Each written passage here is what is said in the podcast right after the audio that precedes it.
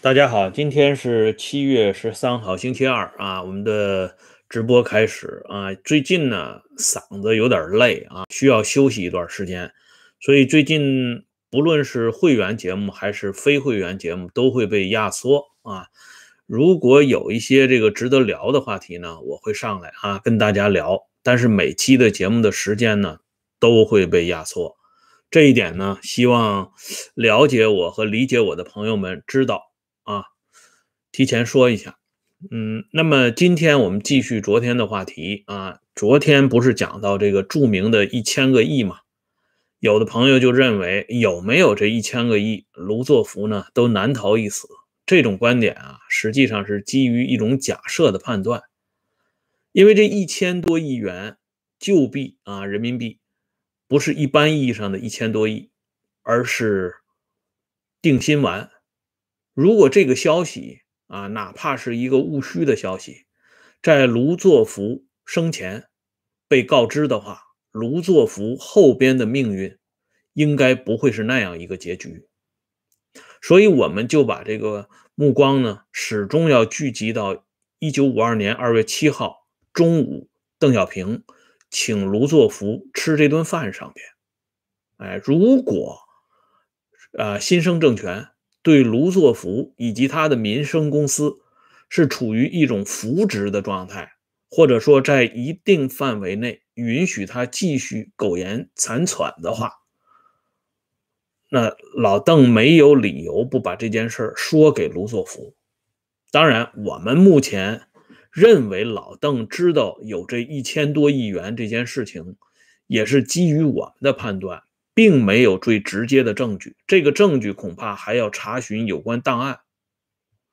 这也就是说呢，我为什么啊认为张立凡先生和赵小玲女士他们两个人说的都对的原因啊。接下来呢，我们再来看另外一个场景。换句话说呢，这个电报啊，一千多亿元的这个电报，如果。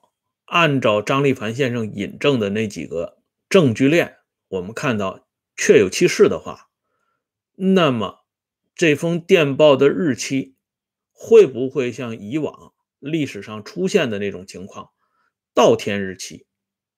啊，本来呢这个电报应该是啊在这个某个特定时间段出现，而非在卢作孚。身后啊，被童绍生亮出那么简单，而且电报这个倒天日期在历史上并不少见啊。当然，这也是我的一种判断。我的这种判断是基于童绍生两个不同寻常的作为：一个是呢，他能够违反公司规定，私自从这个传达室拿走这封电报，而且在这个拿走之后呢。他既不告诉公司里边任何主事的人，甚至呢，张祥林本人也不知道有这封电报，他也不通知卢作孚先生。这么做是非常奇怪的，而偏偏在卢作孚去世之后，他把这封电报拿出来，啊，做出一副追悔莫及的样子，这个事情是非常奇怪的，并且呢。赵小玲女士提供了另外一个证据，这个证据呢，就是卢作孚，啊，自杀之后，卢作孚的遗孀蒙淑仪女士对卢作孚身边的这个十九岁的广东人关怀的作为表示非常的气愤。他啊认为，正是由于关怀的突然揭发，让卢作孚先生寻了短见了。因此啊，在当时的现场，这个卢太太呢很气愤，说了几句话。然而就在这个时候，童绍生这个卢作孚亲手培养的人，居然当着大家的面说了这么一句话。啊，他说他其实是在警告卢太太，他说你要站稳立场啊，就这么一句话。这是出现在赵小玲女士公开发表在《炎黄春秋》上边的文章里的。那么，通过童绍生的这一个表现，以及他迟迟不拿出这封电报的表现，我们就可以看到，一九五二年二月七号中午这顿饭，某种意义上讲可以说是敬酒，而二月八号上午、中午展开的这场批斗会，那就是罚酒。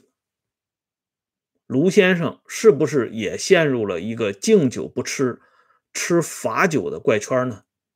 这个我们不得而知。但是卢先生突然去世过程当中的几个疑点，却值得我们回味。这里呢，我们只要看一下卢国际啊，还有他的小儿子卢作孚的小儿子卢国伦。啊，为什么专门提这个小儿子呢？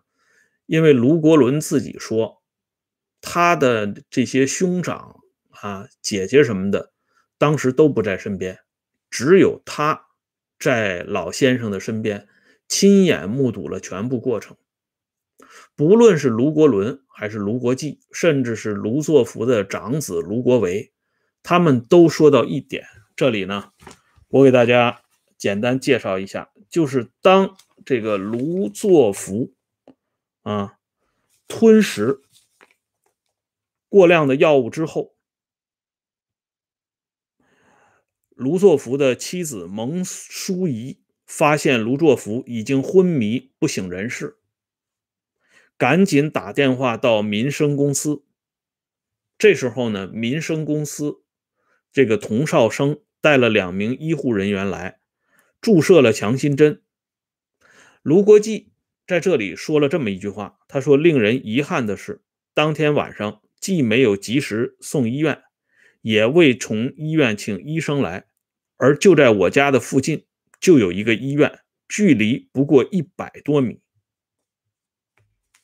这段话是出现在卢国际的回忆录里边，而这段话其实不仅仅出现在卢国际的回忆录里。我们看一下卢国伦啊，作为当时现场的主要目击证人，他的说法是什么样的呢？卢国伦是这么写的啊。卢国伦说，在这生死存亡的危急关头，公司的一位副总经理方携医护人员来到家中，这是母亲连挂了数次电话之后。而本应把父亲送到医院抢救，但是母亲依靠的公司来人竟没有把父亲送到离我家距离尚不到百米远的仁济医院。他们只是把悲痛欲绝的母亲扶到其他房间，由医生给父亲注射强心针。啊，此时护士提醒，啊，父亲服用大量安眠药，虽然进行了简单的抢救。但已无力回天，父亲就这样走了。哎，从这个回忆里边，我们也可以验证到卢国际回忆录当中所说的话是准确的。而卢国际呀，这里边我们顺带说一下，他当时虽然没有在现场，但据张立凡先生啊，他有一个考证。他这个考证呢是这么说的，啊，我给大家简单的介绍一下。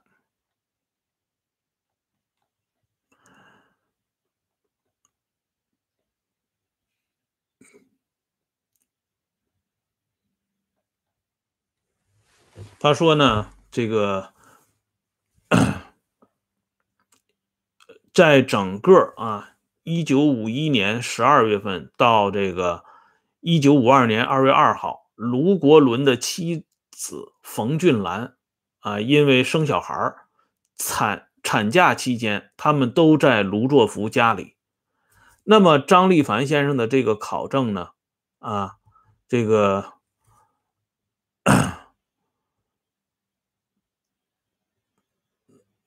进一步证实了。卢作孚先生的小儿子卢国伦的回忆是相当准确的，啊，那么童绍生为什么没有把这个卢作孚就近送往医院，而仅仅是由一个啊并不特别内行的护士注射了两针强心针，而当卢作孚的太太抱怨关怀的时候，啊，童绍生又警告卢太太要站稳立场。那这两个疑点放在一起，大家就更能清楚这个事情某些关键的环节了。那么赵小玲女士，啊，她说呢，就是童绍生能够做出这个决定，啊，还有一个事实，就是这是张祥林啊回忆的。张祥林本人他说啊，在这个检讨会之后。啊，他还去动员一个叫欧阳平的人继续检讨。他从欧阳平家里出来，回到民生大楼，就接到童绍生的电话，说卢先生出事了。啊，张祥林呢就去卢卢作孚的家里，看到卢先生躺在床上，旁边一有一个瓶子，还有一个医生。我问医生有没有办法，医生说没有脉搏了。啊，我马上啊。找陶琪，陶琪打电话给市委书记张林芝，张林芝也派来了医生，但是晚了，脉搏没有了。换句话说呢，这个按照张祥林的，嗯，这个回忆，就是说童绍生不仅没有把卢作孚送往医院，反而呢，在这么宝贵的时间里。给民生公司的公股代表、党委书记张祥林打电话。张祥林不是医生啊，但是张祥林是上级，在童绍生的心目当中，任何时候上级比医生更重要。而张祥林本人也没有决定把卢作孚送往医院啊。虽然呢被告知没有脉搏，可是他也没有送往医院，而是呢向他的上级进行请示。直到市委书记张林芝派来医生，卢作孚早已撒手人寰。所以，通过赵小玲女士的这篇文章的介绍，我们就可以看到，啊，卢作孚先生去世前后，上一级部门和上一级部门的这些代表人物对卢作孚是一个什么样的态度？那么，他们的态度。与二月七号邓小平请卢作孚吃饭的内容应该是紧密相连的。哎，大家想想，人命关天的时候，他们还忙着去请示。如果上边没有态度，他们敢这么做吗？这是一个常识性的话题。而接下来，我们还看到另外一幕，就是卢作孚呢留有遗嘱，而这个遗嘱呢。非常有意思啊！这个遗嘱的事情呢，黄炎培先生在日记里边有这么一段记载。黄炎培的记载是这么说的，说的很有意思啊。这是黄炎培的后人提供的。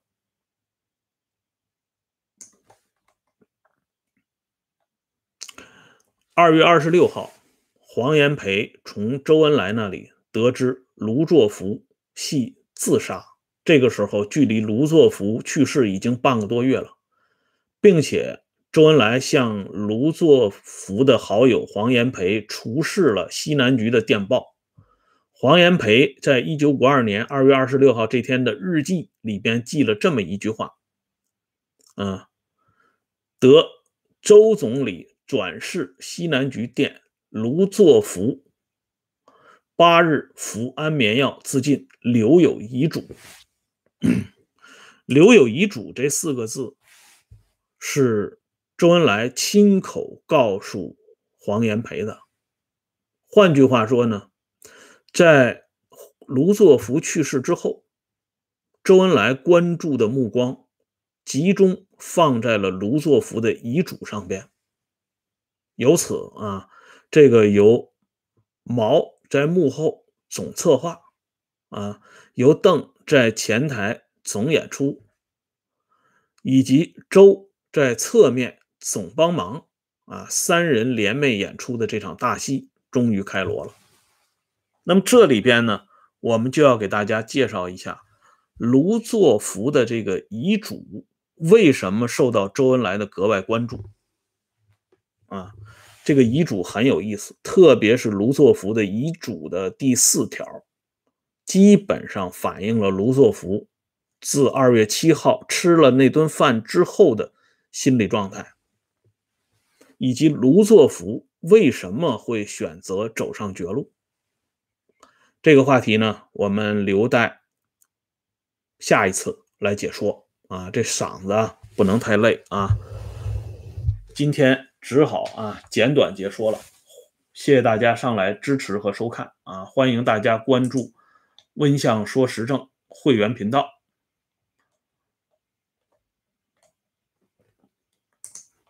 再见。